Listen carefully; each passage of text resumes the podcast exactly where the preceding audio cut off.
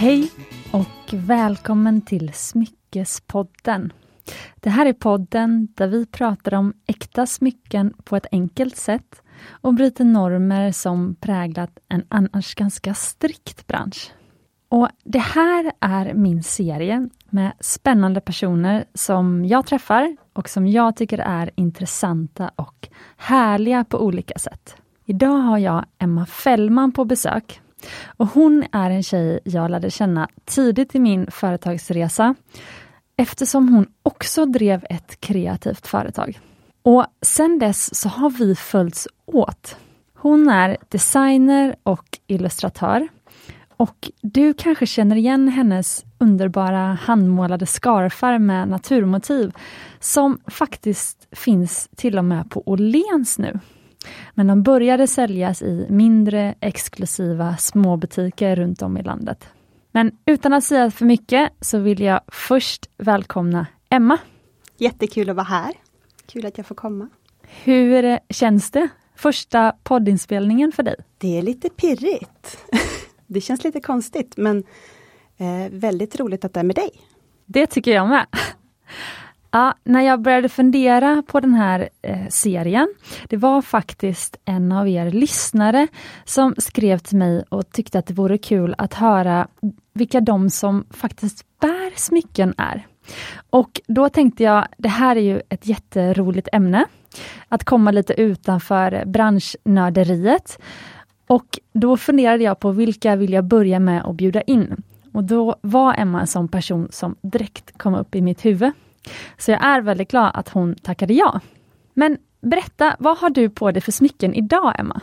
Ja, jag har ju alltid varje dag på mig eh, en förlovningsring som jag fick. Det här är en väldigt rolig historia. Du, vi delade lokal då, till och med.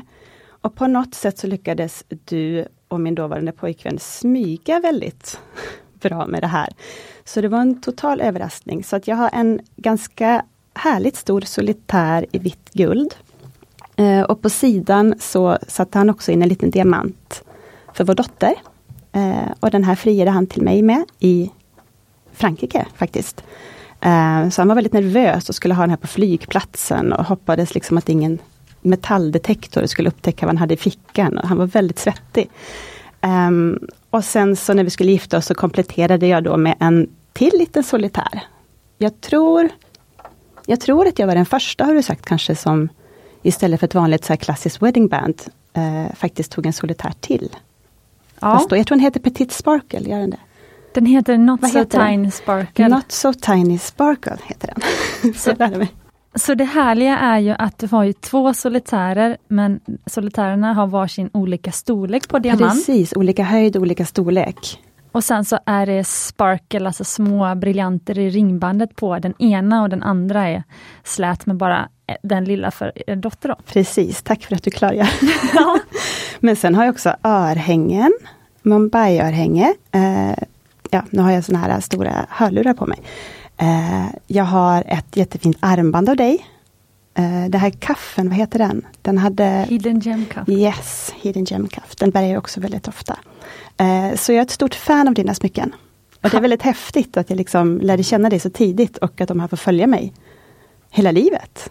Det, det tycker jag med. Mm. Och det är gulligt att du bara berättar om dina Mumbai-smycken. Men det är ju hela kollektionen som gör en smyckesgarderob personlig. Och jag ser ju att du bär ju ett jättefint, um, men det ser ut som en födelsebricka ja. runt halsen.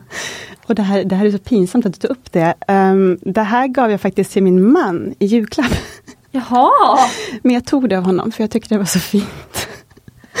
Eh, så det här är ganska en väldigt enkel, eh, det är en guldplatta i stort sett. Det är väldigt enkelt att gravera in ett M på en sida för vår dotter Mila och ett T på baksidan för till vår son. Eh, och min man är faktiskt också en av dem som gillar smycken väldigt mycket. Han gillar accessoarer och det är väldigt svårt att hitta accessoarer till män. Så jag vet att du har tillverkat bland annat armband till honom. Mm. Som han tappade bort på något hotellrum i jag vet inte, Kazakstan tror jag det var. um, så då lät jag tillverka det här. Men jag kunde inte hitta någon kedja som var så pass lång i liksom solitt guld som passade bra. Så att, uh, det slutade med att jag stal det här själv. Så nu bär jag det varje dag. Det är jättesnyggt och faktum är att en sån namnbricka det är ett av de första eh, halsbanden som jag skulle vilja designa för män. För jag Aha, tycker att det så. är så snyggt. Det är jättefint. Och speciellt att ha en lite så halvlång kedja. Precis, och jag hittar inga sådana. Nej, så, så snälla. Ja, jag ska gå på kedjejakt nu. Faktum mm. är att de halsbanden som vi säljer för kvinnor, eh, som inte vi säljer officiellt, eh, för vi har inte gått ut med, med det, men om någon vill ha ett halsband så, så kan vi ändå göra det. Eh, men de kommer från ett litet företag i UK, i England. Mm. Eh, som det var liksom jättesvårt att hitta precis den kedjan jag vill ha. Och Det här är en av de anledningarna till att jag tycker det är lite svårt med halsband, eller det är lite svårt att designa halsband.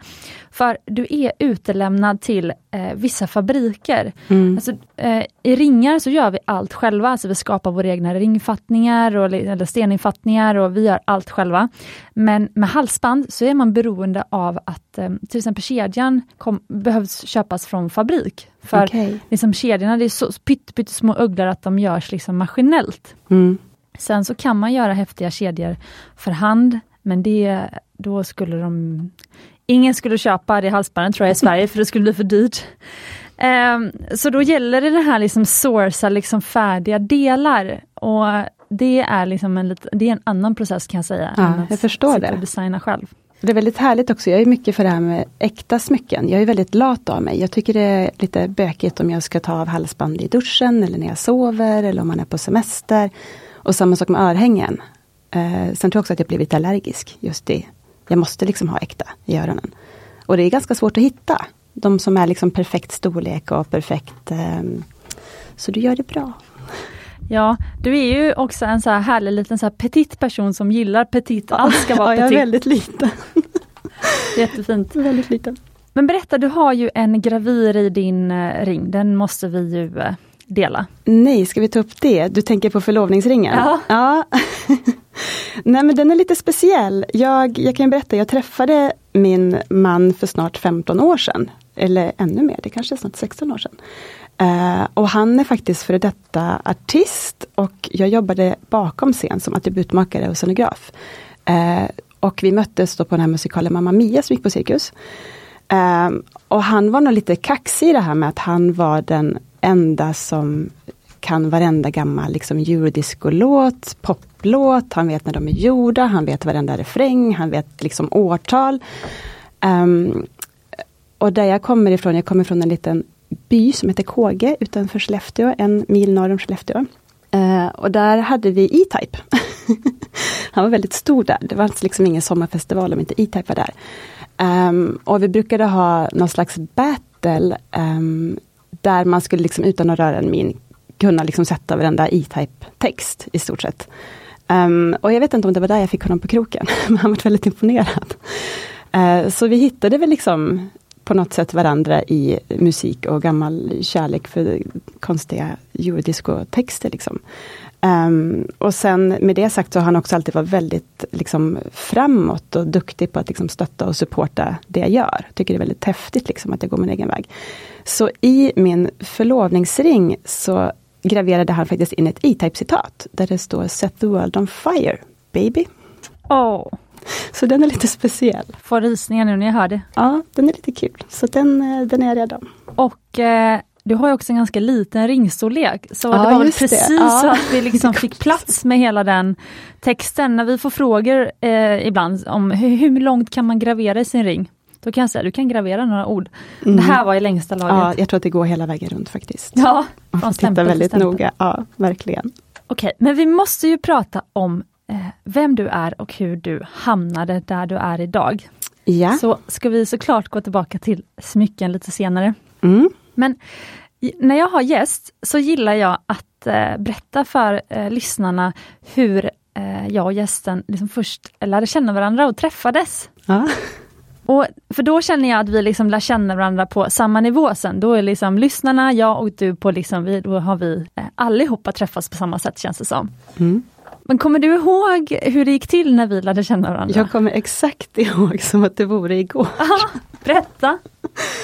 um, jag skulle ställa ut uh, min första utställning på Formex. Um, och det här var ungefär ett år efter att jag hade avslutat studierna på Bergs. Eh, och eh, samma vecka i stort sett som jag tog examen så fick jag veta att jag var gravid. Så istället för att liksom ge mig ut och söka jobb på designbyrå, så var jag liksom mammaledig och då tog sjalarna liksom ännu större fart. Sjalen var ett slutprojekt som jag hade på Bergs. Um, så att jag hade suttit hemma i kanske ett år och filat på nästa kollektion och bestämde mig för att ställa ut på Formex. Um, och hade väl varit där hela helgen ungefär och byggt min monter tillsammans med alla andra. Men det fanns ett bås just bredvid mig som bara stod tomt. Det var liksom ingen där. Det var ingen som var där och byggde, det var ingen som var där och målade, det var ingen som var där och roddade. Uh, så det där var lite av en så här konstig snackis faktiskt. Här, är det någon överhuvudtaget som ska vara där? För det var en ganska bra plats. Och vissa var så här, ska man byta, ska man ta det bordet istället? Uh, och sen var jag väl där kanske två timmar innan start, måndag morgon har jag för mig att det var. Um, hade liksom satt upp mina grejer, det var ungefär en timme kvar. Då kom Cissi. Inrusandes. ja. Men du, och du smällde liksom upp, det var ändå, du gjorde det liksom fort och bra. Det var liksom, det var hela bord du hade stoppat in någon taxi och det var liksom monterdelar och det var liksom tavlor som skulle upp på väggarna. Det var liksom helt svettig. Jag vet, jag tänkte så här, vem, vem är detta? Um, men sen så fick vi ju, vad var det, tre dagar? Ja, tillsammans ja. tror jag, där du var min montergranne. Och vi hade så kul. Mm. Och vi delade så mycket samma intressen och liksom synsätt och det var jättehärligt. Så jag, det där kommer liksom, det kommer alltid sitta kvar. Till saken hör ju då att... Kommer du jag... ihåg det på samma sätt? Jo, jo, jo. Nej, eh, jag sitter bara och skrattar där. Jag ska komma tillbaka till det där. Men mm. till saken hör jag att jag tyckte ju att Emma var liksom den coolaste liksom, montergrannen man kunde få. Alltså jag tyckte att Emma var ju konstnär på riktigt. Alltså jag eh, liksom fejkade ju bara lite grann. Jag, hade inte, jag tyckte nog inte jag hade så snygga smycken själv då. Jo det hade du, de var jättefina. Så jag var ju, eh, jag blev ju kreativt dödskär i Emma. Detsamma. Men det där som du berättar nu är ju faktiskt kanske storyn of my life.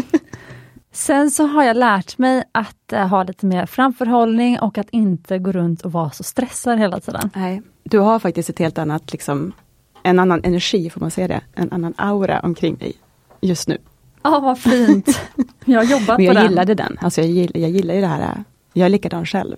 Jag är aldrig den som kommer in sval i ett rum och liksom sitter i tid. Fast det är du. Eh, men jag tror ju att det har, alltså man orkar inte vara så stressad hela tiden. Sen, för den, den, andra grejen är ju också att, för man blir stressad för att man blir så taggad och det är så kul. Så det har ju mycket med det att göra. Och sen har det ju också att göra med alltså planering och att liksom förstå tidsuppfattningar. Eh, som är liksom en parameter i det där. Men eh, någonstans genom åren så har jag också märkt att det är Alltså, om man tar det lite lugnare så blir det oftast kanske lite bättre. Det löser sig alltid. Exakt. Det är liksom det jag är uppvuxen med, det löser sig. Precis. Men det här var ju 2015 tror mm, jag. jag tror det. Vad har hänt sedan dess? Alltså, det har hänt ganska mycket i uh, ditt liv. Uh. du, har ju, du har ju ditt företag. Precis. Och sen så har du barn. Ja, två stycken nu och familj och allting. Mm. Vill, du, vill du dra lyssnaren liksom igenom lite vad har hänt de senaste sex åren? Så kommer vi gå in lite mer, liksom, jag kommer pinpointa sen. Ja, eh, nej men det har varit väldigt spännande. Jag tror hade jag vetat innan jag eh, började med det här, hade jag inte varit så liksom, naiv som jag var då, då hade jag kanske aldrig fortsatt. Eh, men jag tror att man, man sätter en fot framför den andra och så har man sina bestämda mål och liksom en dag i taget. Och jag har nog aldrig heller känt att, eh, att barn och ha eget skulle stoppa en. Utan man får jobba runt det. Och sen min man har också väldigt så här, kreativt jobb där han kan välja lite sina egna tider. Eh, så det har nog gått väldigt bra. Eh, men som sagt, jag har fått två barn. En är sju, en är tre. Um, Emma Fällman Stockholm har ju blivit ganska mycket större på ett roligare sätt. Eh, som du nämnde där i början att när jag började så fanns jag väl kanske ganska på ganska många mindre butiker i Sverige. Um, nu också plus det här med coronaåret som har varit, um, har väl hellre då blivit så att jag har satt mig i fokus på mina egna kunder och driver det mesta i egen webbshop. Men sen har jag ju då till exempel Åhléns som är de största återförsäljarna. Där människor ändå kan gå in och klämma och känna om de inte vill komma till mitt showroom, där de också är välkomna.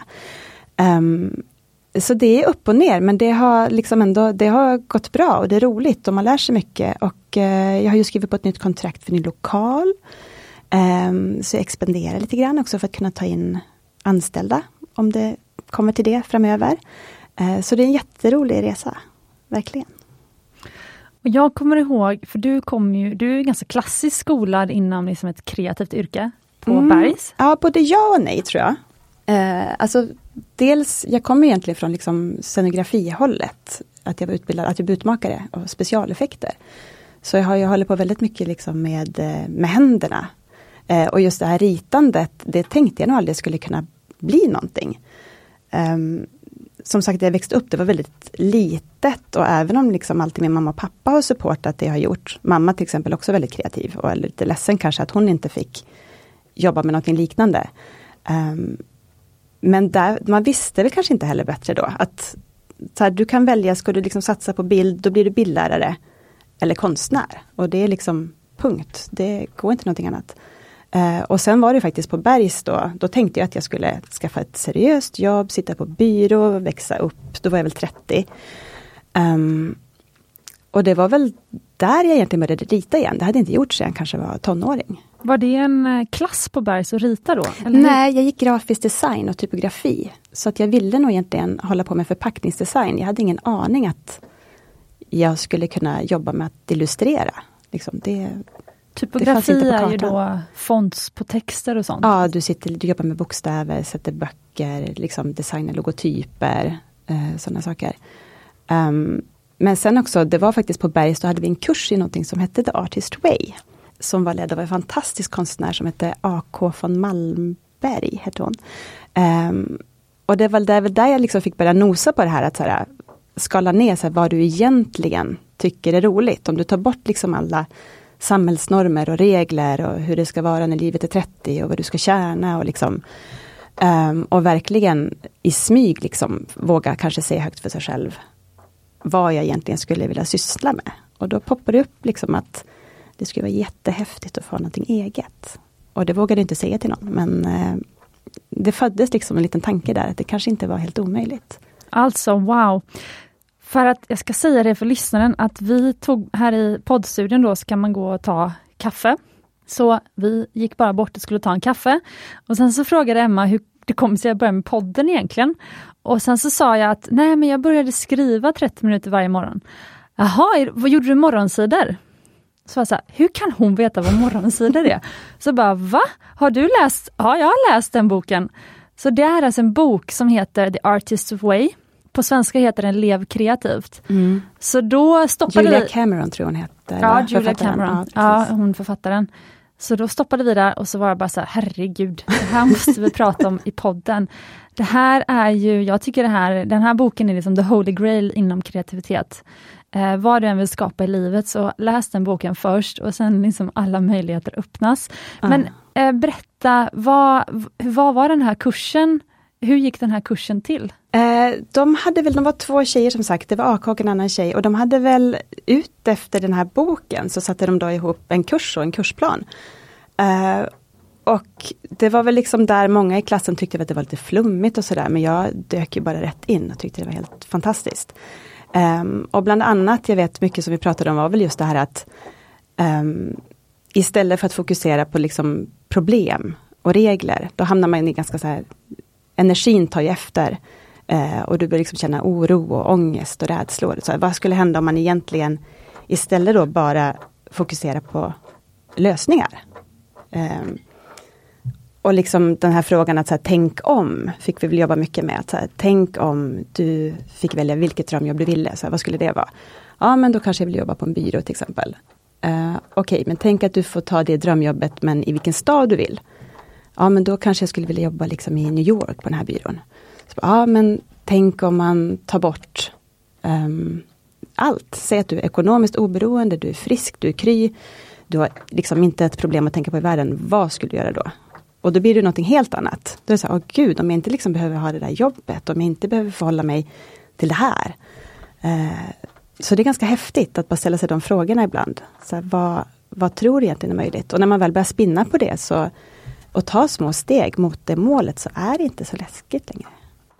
Nej, för nu också när du berättar så eh, det här är en bok som så har legat liksom på min säng. Det är en sån här som en sån här, eh, karamell som man aldrig vill äta upp.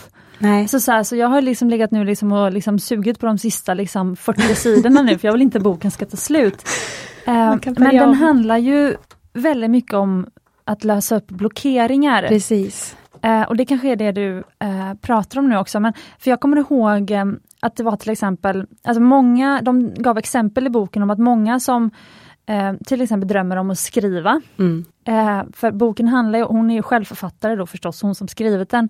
Så jag tror hon har mycket det här liksom skriva eh, exempel på liksom att, att skriva. Eh, och sen så den andra grejen med att skriva är också att genom att skriva så får du utlopp för allt annat du vill göra också. Så att genom att skriva så kan du lösa upp blockeringar om du vill eh, sjunga eller rita eller vad det än är. Så liksom skriva kan hjälpa till vilket kreativt du än vill syssla med. Precis, jag tror också att så kreativitet i sig har, eller det ordet kanske har lite dåligt rykte, får man säga så? Att många tror att om jag ska vara en kreativ person då måste jag måla, jag måste dansa, jag måste skriva, jag måste sjunga. Men det kan ju vara så mycket annat. Det kan ju vara, du kan vara kreativ när du lagar mat, du kan vara kreativ när du tränar, du kan vara Det är så mycket, men jag tror bara att alla människor har väl en kreativitet i sig som på något sätt måste ut. Det är liksom vårt sätt att uttrycka oss. Exakt. Och sen så handlar det om att våga uttrycka det utan att vara rädd för vad som ska hända i din omgivning. Alltså för också den typen av blockeringar som jag minns eh, hon pratar om i boken och som så man känner igen sig själv. Det är ju det här med, men om jag går hela vägen med mitt företag, kommer då liksom min familj frysa ut mig mm. för jag inte gick den vägen som familjen hade planerat. Och om man till exempel tar på träning som exempel, då kan det vara så, men om jag om jag blir väldigt eh, duktig inom det här eller utbilda mig till personlig tränare eller vad det kan vara. Eh, kommer jag då stötta ut andra personer i min omgivning som blir avundsjuka eller irriterade mm. för att de kanske ville gå samma väg men så kunde de inte göra det eller de visste inte hur de, eller de vågade inte. Och så blir det att man istället liksom stöter ut den som vågar gå sin egen väg. Mm. Alltså att det blir det här jag vet inte om det är den boken som säger också det här att då, men avundsjuka eller svartsjuka är ju kanske den viktigaste, du ska omfamna den känslan för att det är den viktigaste indikatorn på vart du vill i livet. Absolut, jag tycker det är jätteviktigt. Och ja. liksom också sätta sig in i Jag har nog jobbat ganska mycket med det också för att jag kommer väldigt mycket från den här anti mentaliteten. Eh, att man ska inte sticka ut och du ska inte vara annorlunda, du ska inte liksom, varför tror du att du ska liksom få den här möjligheten att sitta liksom och göra det du älskar när ingen annan. Lite den delen. Så att dels så tror jag det är jätteviktigt för en själv att eh, ta reda på vad du, vem du egentligen är och vad du mår bra av. Och vad du är lycklig i. Och sen om det då är de här, vi säger A, B, C, de här sakerna. Eh, att våga, våga liksom gå efter det. Och det kan ju vara rädsla lika mycket för att misslyckas som rädsla för att lyckas också som du säger. Ja. Alltså vad händer med liksom familjedynamiken om det här går för bra eller vad, som du säger, vad händer med liksom de här vännerna om det här blir för stort. Um, så det, där, det är jättesvårt. Men jag tror så länge du bara vet varför du gör det och att det, liksom, det är sant mot dig själv, så, så finns det inget som kan stoppa en tror jag. Men det stämmer nog, alltså, det är nog en så himla vanlig blockering det här. Varför är jag värd att jobba med det här när de flesta andra behöver sitta på det här kontoret. Alltså att man mm. har den... Eh... Och det har ju kanske de valt. Alltså Exakt. Att, att, det är deras, liksom, det mår de liksom bra av. Och det, det är det de får ut. Många älskar ju, jag har så många vänner som älskar att organisera och älskar att liksom stoppa in saker där det ska vara och Excel-ark och liksom Det är det bästa de vet. Och de trivs ju hur bra som helst i sådana yrken. Jag kan bara dra ett exempel från min tvillingsyster. Ja just ni är väldigt Ja vi har ju olika. följts åt, ja, ja. vi har följts åt hela livet. Vi bodde ihop från när vi flyttade hemifrån, från vi var 19 till vi var 27. Sen så har vi liksom rest till lite olika ställen och sånt men ändå så här, vi delade på den lägenheten tills liksom, så att vi har verkligen så här, ja, jag har varit fri från henne i fem år. och nu äter vi ändå middagar hos varandra hela tiden. Eh, men hon, vi är ju så eh, olika på så många sätt. Eh, vi har samma grundvärderingar vilket gör att vi, och vi förstår ju varandra, så att det, är väl, det är väl det som gör att vi verkligen är bra vänner. Eh, men alltså hon eh, jobbar ju eh, dygnet runt i typ Excel-dokument. Ja. Och har gjort liksom jättekarriär inom det.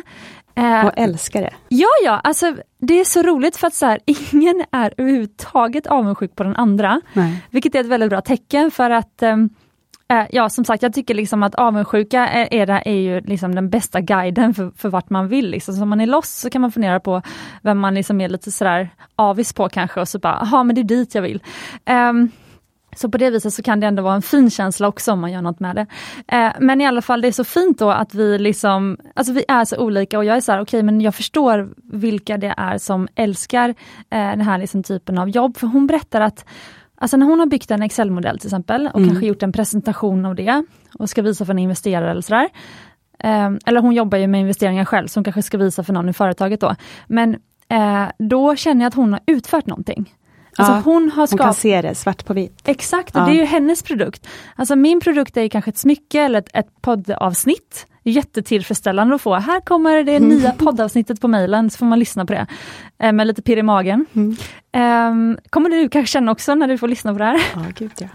Eh, men det är verkligen liksom, olika typer av produktion som Ja. man trivs med. Liksom. Och så tror jag också att det är viktigt att låta det vara så att det känns ibland som att många tror att det inte, särskilt i den här världen vi lever i nu, det känns som att alla ska vara entreprenörer och man ska synas och du ska liksom vara bra på någonting och att alla har ju sin egen grej och så länge man bara följer det du brinner för och inte tänker på andra eller hur andra ser det. Ja. Hur kommer det sig att det blev scarfar då? För att då läste du den här boken Ja, Och så började du rita, alltså för, var, för det man lär sig i boken, vad jag lärde mig i alla fall, var att börja skriva. Så Precis. började, man, började, man skulle skriva tre sidor varje morgon. Eh, och för mig blev det då plötsligt att jag skrev poddavsnitt och sen bokade jag in en studietid. Men för dig så blev det scarfar.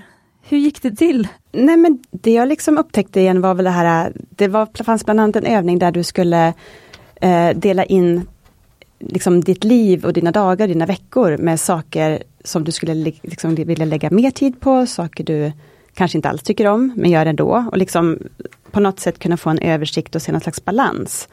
Eh, för att liksom bli lycklig och må som bäst. Vad ska jag lägga mer tid? Precis.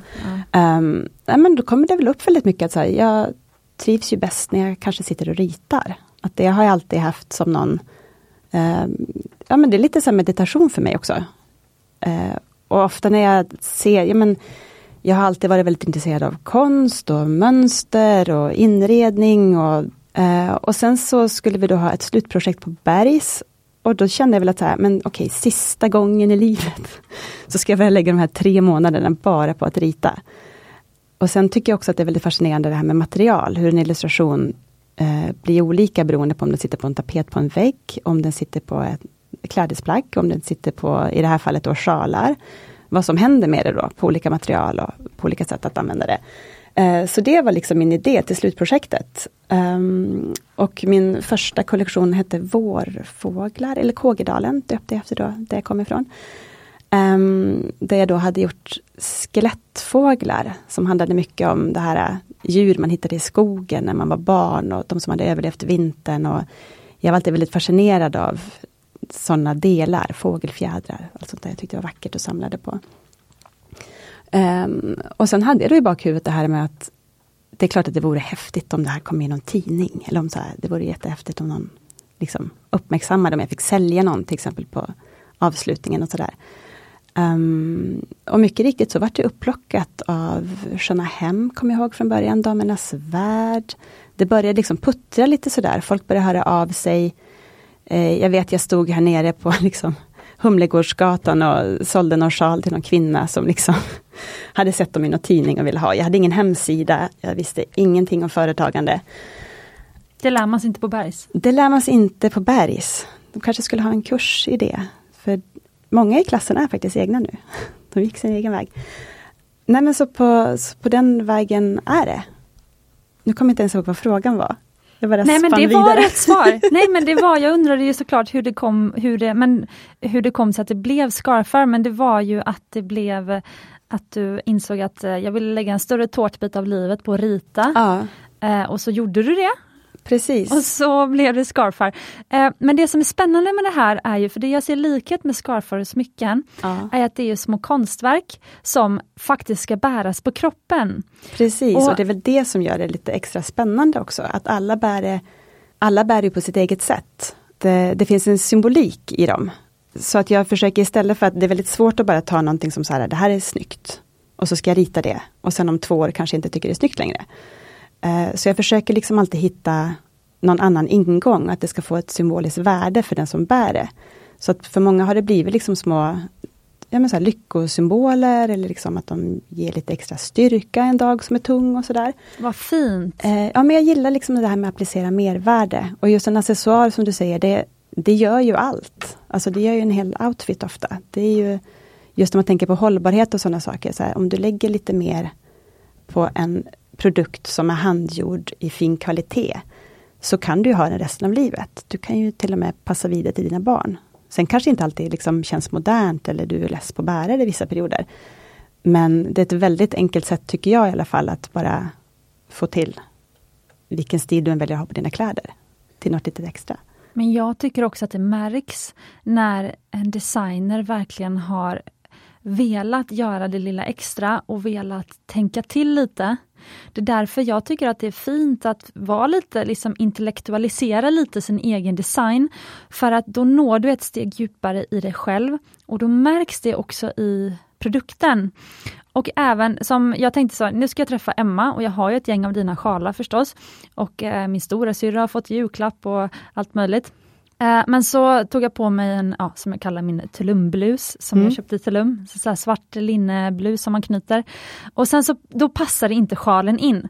Men då var jag ändå så här, för jag har ju hängt mina sjalar, eh, jag har en blandning av så här, Emma och Hermes, liksom, det är mina två sjalleverantörer.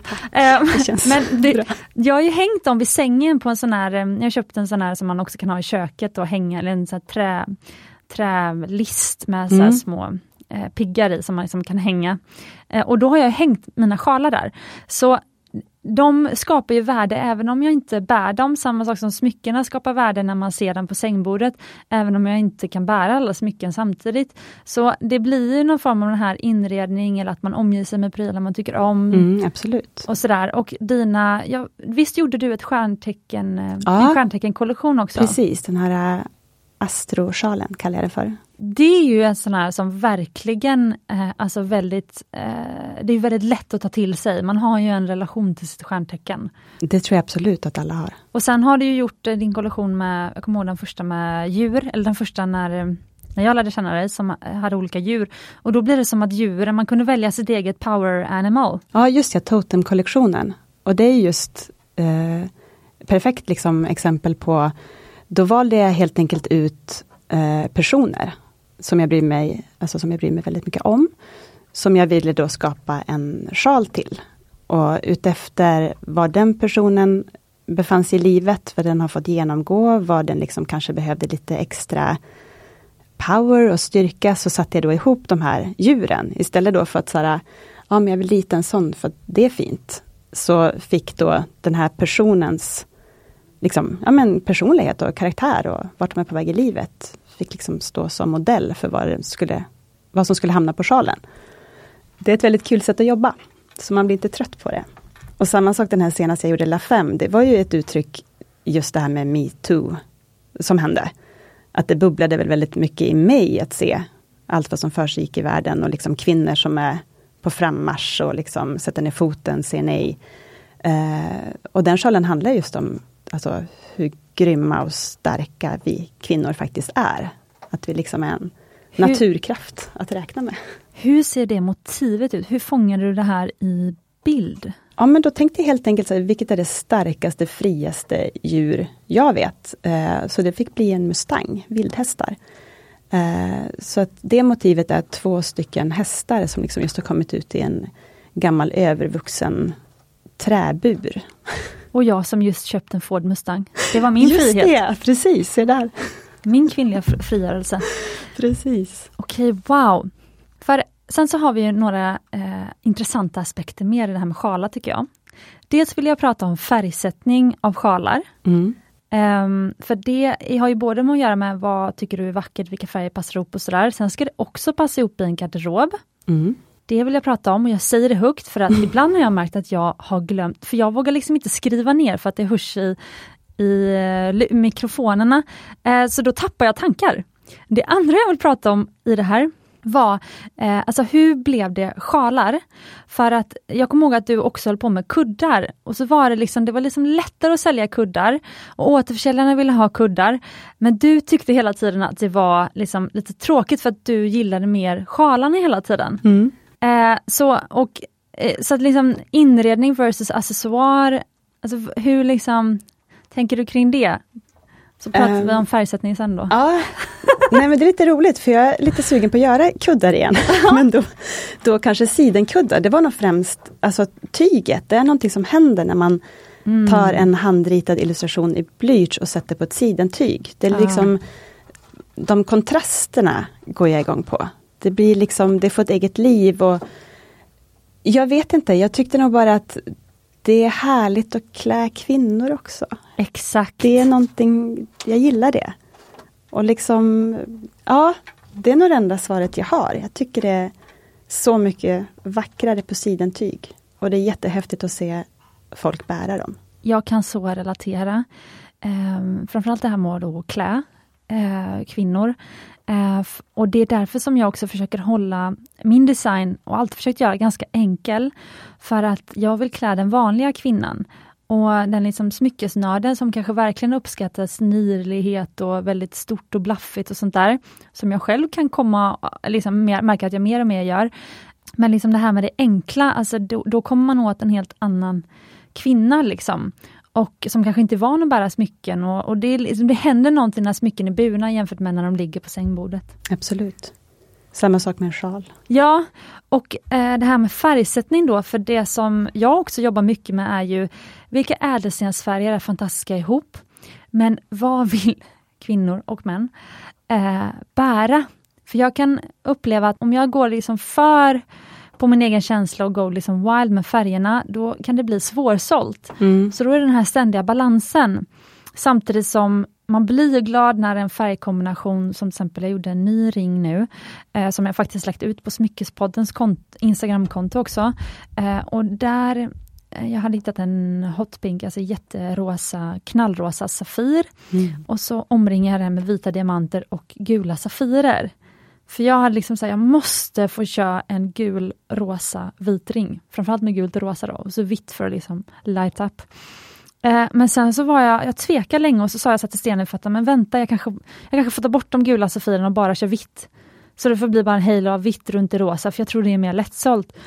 Och sen bara typ Fanny, nej, jag älskar det komma med gult och rosa, kör på det. Jag bara, tack Fanny, jag kör på det. Och nu älskar jag ringen. Mm. Men den här ständiga liksom, eh, liksom eh, förnuftet versus känsla. Ja, jag har lärt mig att bara lita på känsla. Mm. Faktiskt. Och det häftiga tycker jag just när du alltså, kommer till färger är att jag kommer ihåg min första kollektion var väldigt, eh, du har ju en av de sjalarna, mm. alltså väldigt smutsiga färger men den hade ju då att göra med Norrland, alltså de färgerna jag kom ihåg. Liksom, jag hade tagit liksom bilder på eh, midnattssol och de färger jag liksom tycker hör ihop med det landskapet. Um, och det gick ju jättebra. Många var liksom så här, men det är nordisk design och det är väldigt liksom avskalat och dova färger och sådär. Och sen nästa kollektion smällde jag på någon koboltblå. Och det gick jättebra. Så att jag märker att svenska kvinnor är inte så rädda för färg som vi tror. Nej. Och sen tror jag också att det är väldigt många eh, ja men större delen av året så kanske vi har någon svart kappa eller beige kappa eller grå kappa. Och då behöver vi liksom lite extra umf för att det ska Exakt. hända någonting. Så att jag har ändå blivit ganska trygg i att färg är jättekul, men även när jag liksom väljer att kanske ta ett steg tillbaka och göra något lite mer minimalistiskt så går det också bra. Så att många väljer liksom ändå efter färgen. Och sen har jag väldigt härliga kunder också som är väldigt duktiga på att mejla och höra av sig och så här, kan det inte komma liksom en lila eller kan man inte liksom ta en röd och sätta ihop den med ett orange? Eller, så man får lyssna på dem också. Precis. Men jag tycker det är jättehärligt att det är så många som vågar färg. Sen så handlar det också om oftast det som du tycker blir supersnyggt kommer antagligen många andra tycka är snyggt. Alltså färg, färgkombination handlar ju också om att när, när det är rätt harmoni, mm. Liksom, som du ändå har känsla för, då kanske det blir lätt att tycka om fastän att det är starka färger. Alltså även för de som kanske inte är van själv att man har bara svart och vitt i sin garderob. Så. Mm. Men så liksom din färgkombo var liksom supersnygg. Men även där vet jag att jag har jobbat med saker som betyder mycket eh, Även där att det ska finnas någon slags symbolik. Till exempel jag har en i den här La Femme-serien som är olivgrön och sen så valde jag att sätta i nästan magenta färg. Det är den här eh, jätterosa? Ja precis. Och det Rosa lila att, nästan? Ja precis. Och där var jag inspirerad av Sara Danius, hon hade den här gigantiska liksom, knytblussläpen på Nobella. Så att för mig var det verkligen så här ett jättestatement att hon kom i den outfiten. Oh, wow. Så då fick den vara liksom en del av det. Och då är det också ganska enkelt att så här, om någon då frågar, så här, kan du inte sätta den fast med liksom en annan färg? Så bara, Nej men för mig betyder det ändå det här, det betyder någonting och då, då får det vara kvar. Sen kommer jag också ihåg från när vi, vi har glömt säga det, men vi delade ju showroom ett tag. Ja, det gjorde vi. Vi blev ju lite kära i varandra där på Formex och sen så när jag skulle hitta mitt första showroom, då, för då, vi båda tror jag bara var online då och satt hemma ja. liksom, eller, jag, eller för mig då också i ateljéerna. Och sen så mm, när Eh, hittade jag en lokal på Blocket och skulle flytta in typ en vecka senare och då flyttade Emma in. Även där gick det väldigt fort. ja, eh, men då kommer jag ihåg också att du, eh, att du hade kunder, alltså de köpte nästan samma motiv men i olika färgskalor. Mm, så att blir man kär i den här tigen då, den här totemtigen, så kanske man sen ville ha den, eller en liten sjal, att du gjorde mm. samma fast i miniatyrformat. Så att man liksom hittade sin, liksom, sitt eh, kraftdjur och sen så liksom i olika Vill färger. man ha det i alla färger och alla storlekar? Nej men jag har så fantastiska kunder, vissa har ju alla sjalar. Det, är liksom de sam det blir liksom samlarobjekt. så det är jätteroligt. Fantastiskt. Ja. Men jag brukar ju prata om en basgarderob av smycken. Mm. Mm. Nu går vi in på ännu mer smycken här. För jag vill ju, eh, liksom, nu när jag har det i studion, så vill jag såklart liksom höra eh, liksom vad, vilken typ av smycken använder du varje dag och har du en liksom, basgarderob av accessoarer? Jo men det är nog ungefär det jag har på mig idag, som är min basgarderob. Men sen så kan jag tycka att det är väldigt kul att smälla på en gigantisk guldkedja till exempel. Eh, vissa dagar. Jag är ganska avskalad i min klädsel. Eh, jag vet inte om det också har någonting med sjalen att göra, men jag har ju oftast liksom enkla jeans och någon härlig liksom, t-shirt eller linne. Och då tycker jag att så här, både sjalar och smycken kan få ta ganska mycket plats ibland. Men sen, jag har ju även barn och man ska liksom från det ena till det andra till det tredje. Um, så som jag sa innan, jag gillar ju liksom äkta smycken som kan sitta på kroppen hela tiden.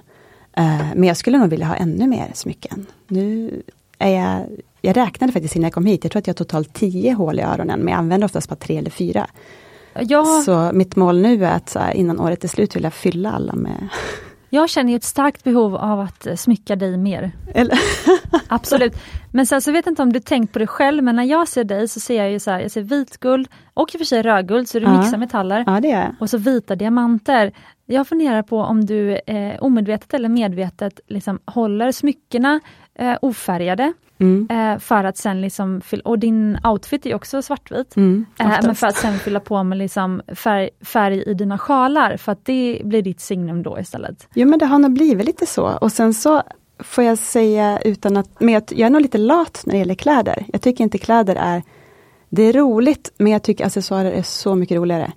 Alltså jag skulle nog, väskor, skor, smycken, sjalar. Det är liksom där jag hellre kanske lägger pengarna eller Speaking for all women out there. Nej men jag kommer bara ihåg till exempel när jag var hos min mormor när jag var liten. Jag kan inte komma ihåg ett enda av hennes klädesplagg, men jag vet fortfarande liksom exakt hur hennes smyckeskrin såg ut, vart det stod. Jag kan nog räkna upp alla örhängen som fanns i det här smyckeskrinet. Hon hade någon så här, någon skärp som var liksom några grekiska guldpengar som jag aldrig ville ta av mig. Um, nej men jag tycker det där, det där jag kanske leker lite mer, men samtidigt som du säger, jag har ju oftast väldigt enkla briljanter, heter det så? Ja. ja. Eh, nej men så jag, jag trivs nog med det. Men sen tror jag, skulle jag ha alla pengar i världen och få välja av dina smycken, så skulle jag nog stoppa in lite färg. Ja, men jag kan se det, för jag, jag brukar också säga det att det är lätt att tycka att ah, diamanten, eh, den känns ju jättetråkig när man är i en smyckesbutik eller ett showroom där det finns hur mycket diamant mm. som helst. Då sticker den här gröna verkligen ut, mm. liksom gröna turmalinen. Eh, men när man kommer hem sen, då finns ju inte alla diamanter i världen. Så då kanske man liksom vill ha den där lilla diamanten trots allt. Nej, jag tycker också, jag älskar dem jag har, just att de är kanske ja, men klassiska, det passar till allt. Och sen så tror jag också så här, jag är nog för att, jag vet att du har pratat om någon gång det här med att byta ut till exempel vigselringar om man blir less på dem och sådär. Och det förstår jag att väldigt många gör, men samtidigt i och med det här härliga citatet och liksom hur man har fått dem så är det så fina minnen, så att jag ville nog ha någonting ändå ganska klassiskt. Där jag då hellre då kan bygga på Precis. andra. Och dina smycken, jag tycker ju verkligen så här, du har ju valt smycken ur basgarderoben. Det som jag kallar en smyckesbasgarderob då. Ni kan lyssna på avsnitt sju om ni vill höra mer om det. Men bland annat så tycker jag att det ingår en diamantsolitär Just för att man kan matcha den med allt och den är även supervacker bara själv. Och man känner liksom, det är en speciell känsla på sig en diamantsolitär. Eh, och även en sån här Sparkle Solitaire, det är faktiskt, har jag inte nämnt i, i basgarderoben. Men eh, det kanske går under solitär i och för sig. Men jag tycker att en sån mindre Sparkle Solitaire, jo, den lilla diamantringen, man kan nästan säga att det är din lilla diamantring som är liksom din eh, liksom vigselring. Så. Mm. Um, eller ko kombinationsringen. Så båda de två ingår ju liksom i basgarderoben. Den här är väldigt fin själv också. Ja, den det är, är därför helt jag valde den lite grann adorable. också. Att om man ville liksom, den är hur fin som helst. Ja, nej, det är en av mina favoritringar. Uh, Not so tiny sparkle. Um, men så att jag förstår ju varför du inte tröttnar, för att de smycken är ju liksom, alltså det är de mest klassiska, om man tittar hundra år bak i tiden, liksom, alltså de mest klassiska smyckena. Men det är ju någonting med alltså sättet de, som du säger, alltså första gången jag satte på mig den här. Eh, och man har haft liksom, ja, men lite andra smycken, men alltså gnist, alltså vad säger man? Sparkle. Mm. Den är ju helt fantastisk. Jag har inte tagit av mig den sedan dess. Jag har eh, pratat i ett avsnitt om powerringen. Powerringen är den här ringen som när du tittar ner på den så känner du att nu är allt möjligt. Har du en sån eller har du liksom tankar på att skaffa dig en sån? Det har jag absolut. Jag tänker nog väldigt, alltså jag har ju ofta små som belöningar till mig själv. Att uh, Nu har jag faktiskt siktat in mig på ett par powerskor. Oh, om vilka det här. då? Nej, jag vill bara ha ett par eh, Gucci loafers som jag tycker är jättefina. Uh, nej, men att med, kanske... med, med, förlåt, med, med eh, Ska de vara öppna eller ska det vara slip-ins? Det ska vara slip-ins. Åh, oh, men det köpte jag förra veckan. Såklart du gjorde. Vi har samma smak. Nej men det är ju basgarderoben i skor. Ja, ja, men jag gillar såna här som du säger, klassiska modeller som man kan ha år efter år, eller ta fram. Liksom, då kommer det gå. Eh, och lite samma sak med smycken, men just nu är jag som sagt inne då på, jag vill ha en, jag vill ha en powerring i örat. Ah, wow! Det vill jag ha. Det är liksom min nästa grej jag tänkte snacka med dig om. Ja, ska det vara en hoop med diamanter då? Ja, det ska vara liksom, nu visar jag lite grann här, en Nice. liten åt det hållet men liksom ännu tajtare. Det löser vi. Okej, då kommer en annan fråga här apropå det, för att um, vissa gillar ju när det är en snurrebuss där bak, alltså det är en hop men, men man sätter, det är en liten pinne och man sätter ihop med en snurrebuss. Eller så gillar man när hopen är liksom eh, helt rund, sitter ihop med sig själv. Ah, okej. Så vad gillar du? Vad sa du att det hette? Snurre? Jo men de här, de här fladder, eller de här liksom som ser ut som små fjärilar man har där bak i vanliga örhängen. Ja, just det. Det kallas för snurrebuss. Ja, nej men jag gillar nog, ringar gillar jag nog när de går hela vägen runt. Ja, när de okej. kan klicka i. Mm. Det, det känns inte lika safe dock. Jag vet inte om det är det. Att den sitter lika bra. Jag, skulle, jag håller faktiskt just nu på att testa själv för att jag Ja. har designat både och. För att det jag märkt är att man är antingen eller. Vissa älskar snurrebuss och vill Ja. bara ha snurrebuss. Och vissa vill absolut inte ha snurrebuss. Okej. Eh, så, och att man bara då kan klicka i och att de känns som en helt rund Ja, men cirkel. jag gillar nog det. Att det lika, Mm. liksom, känns lika fint bakifrån. Så nu håller jag på att testa olika låsar, så jag bär nu ett sånt eh, där man klickar i, eh, i örat. Och eh, vi kommer nog lansera både, både och faktiskt. Okej, spännande. Mm. Det ser jag fram emot. Men att hitta sin smyckesmak då? Det Mm. är ju spännande. Alltså hur, har du tips kring det? Det är spännande. Jag, jag skulle nog säga att kanske inte om man då ska satsa på liksom mer alltså äkta smycken som du vet att du ska ha en längre tid. Så kanske inte titta på så mycket vad som är liksom mode, utan vad du faktiskt verkligen jag tror att alla egentligen någonstans vet vad man går igång på lite grann. Man har ju sådana här smycken som man har liksom sett sedan man var barn, som jag fortfarande tycker liksom är vackra. Um, nej men så jag skulle nog ändå satsa på något du känner att så här, det här kommer jag kunna ha. År ut och år in. Och skicka vidare till dina barn sen. Ja. Det tycker jag är bra. Men hur, när du skulle börja leta till exempel din vigselring då, för förlovningsringen fick du en sån väldigt klassisk solitär. Ja, det var så spot on. Jag är så imponerad. Men sen ska du säga att du var ju i vårt showroom, jag, hade, alltså jag spanar ju runt på vad du, liksom, vad du gav för signaler, så att ja. jag och Robert var vi hade snackat ihop oss. Eh, men när du nu då researchar och sitter och drömmer om dina, men som du har kommit på nu att du vill ha den här hoopen och sånt. Mm. Alltså hur går din liksom eh, researchprocess till? Men jag gillar eller? ju väldigt klassiska och det är därför jag gillar dina, men samtidigt så eftersom jag är en liksom, konstnärlig nörd själv, så går jag jättemycket på detaljer.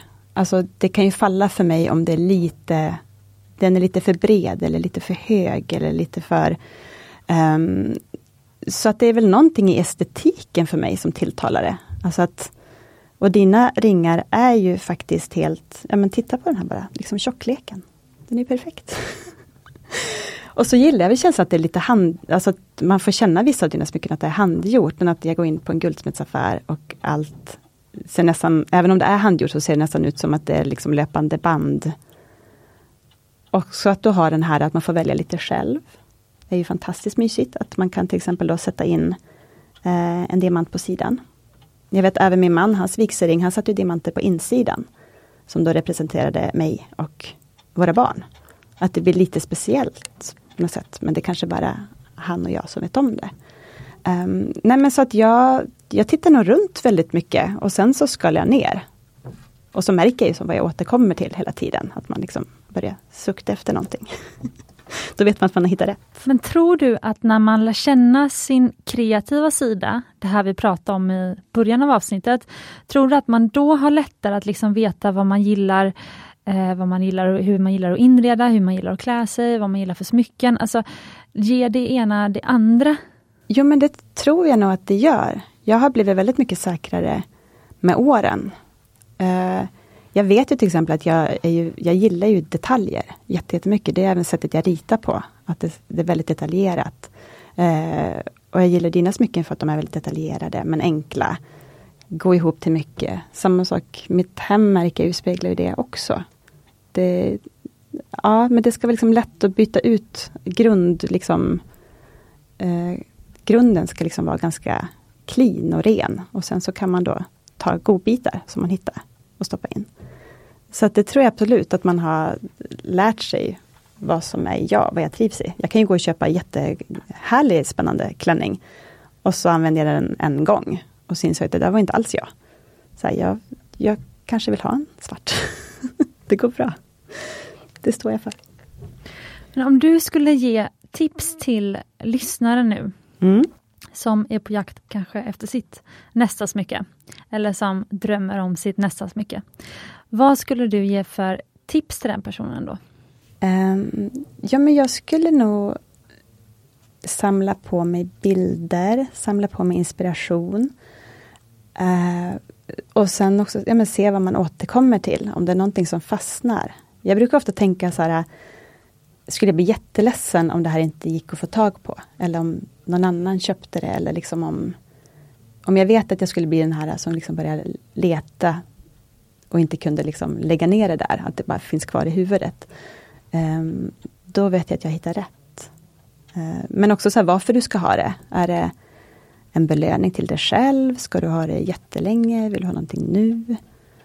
Um, ja, men mitt största tips är att gå på någonting som du kan bygga vidare på också.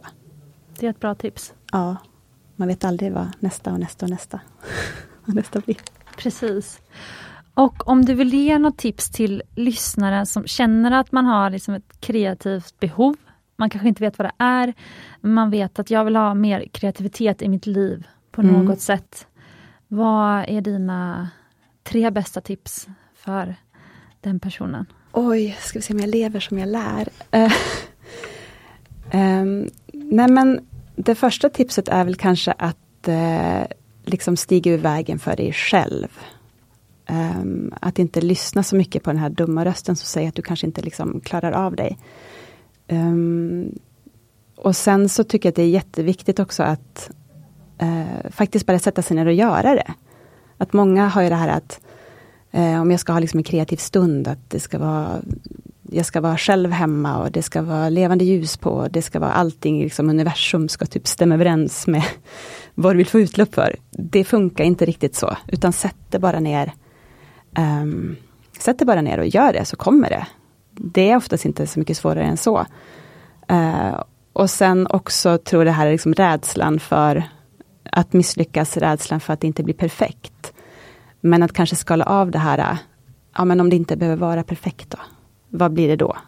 Exakt. Det kanske inte blir så tokigt, det kanske blir, det är alltid en början på någonting och att även liksom de liksom största konstnärerna eller smyckesdesignerserna, de har ju också börjat någonstans, men de är fortfarande också på väg någonstans.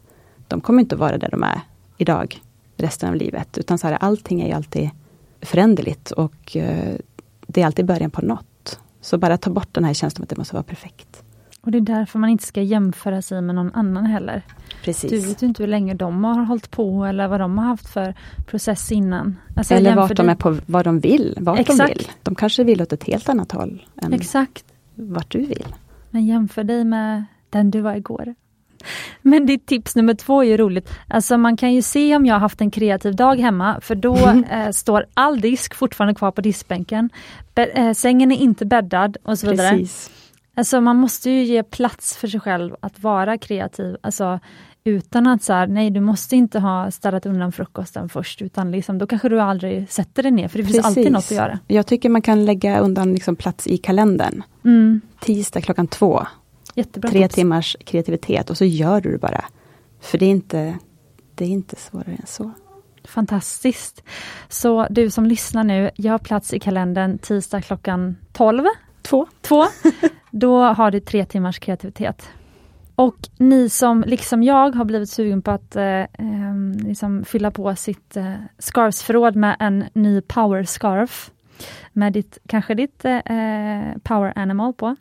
Eh, men hur gör man det? Hur kommer man i kontakt med dig Emma? Eh, då går man in på min hemsida emmafallman.com. Jag, fick också, eh, jag finns också på Instagram, Emma Fällman Stockholm. Eh, skicka iväg ett DM, mejla mig, ring, jag svarar inte så ofta, men ibland. Sms. Eh, nej men det är jätteroligt. Det är jätteroligt att höra av alla. Fantastiskt. Och eh, jag kan säga det att det bästa sättet att eh, stödja en kreativ person och kanske även din egen kreativitet, att liksom honor den, är ju faktiskt att också köpa grejer som en kreativ person har gjort. Det ger väldigt mycket inspiration tillbaka till en själv också. Verkligen. Det är mycket därför de här betyder så mycket för mig också, de här ringarna. Det är ju så mycket härligare att jag vet att det är du som har gjort dem, att de liksom kommer från ditt härliga kreativa huvud, liksom, än någon annanstans ifrån. Så att det är också en del att eh, ja, men köpa någonting av någon du inspireras av. Precis. Ja, härligt. Och med de orden så vill jag tacka dig jättemycket Emma för att du ville komma hit. Tack själv.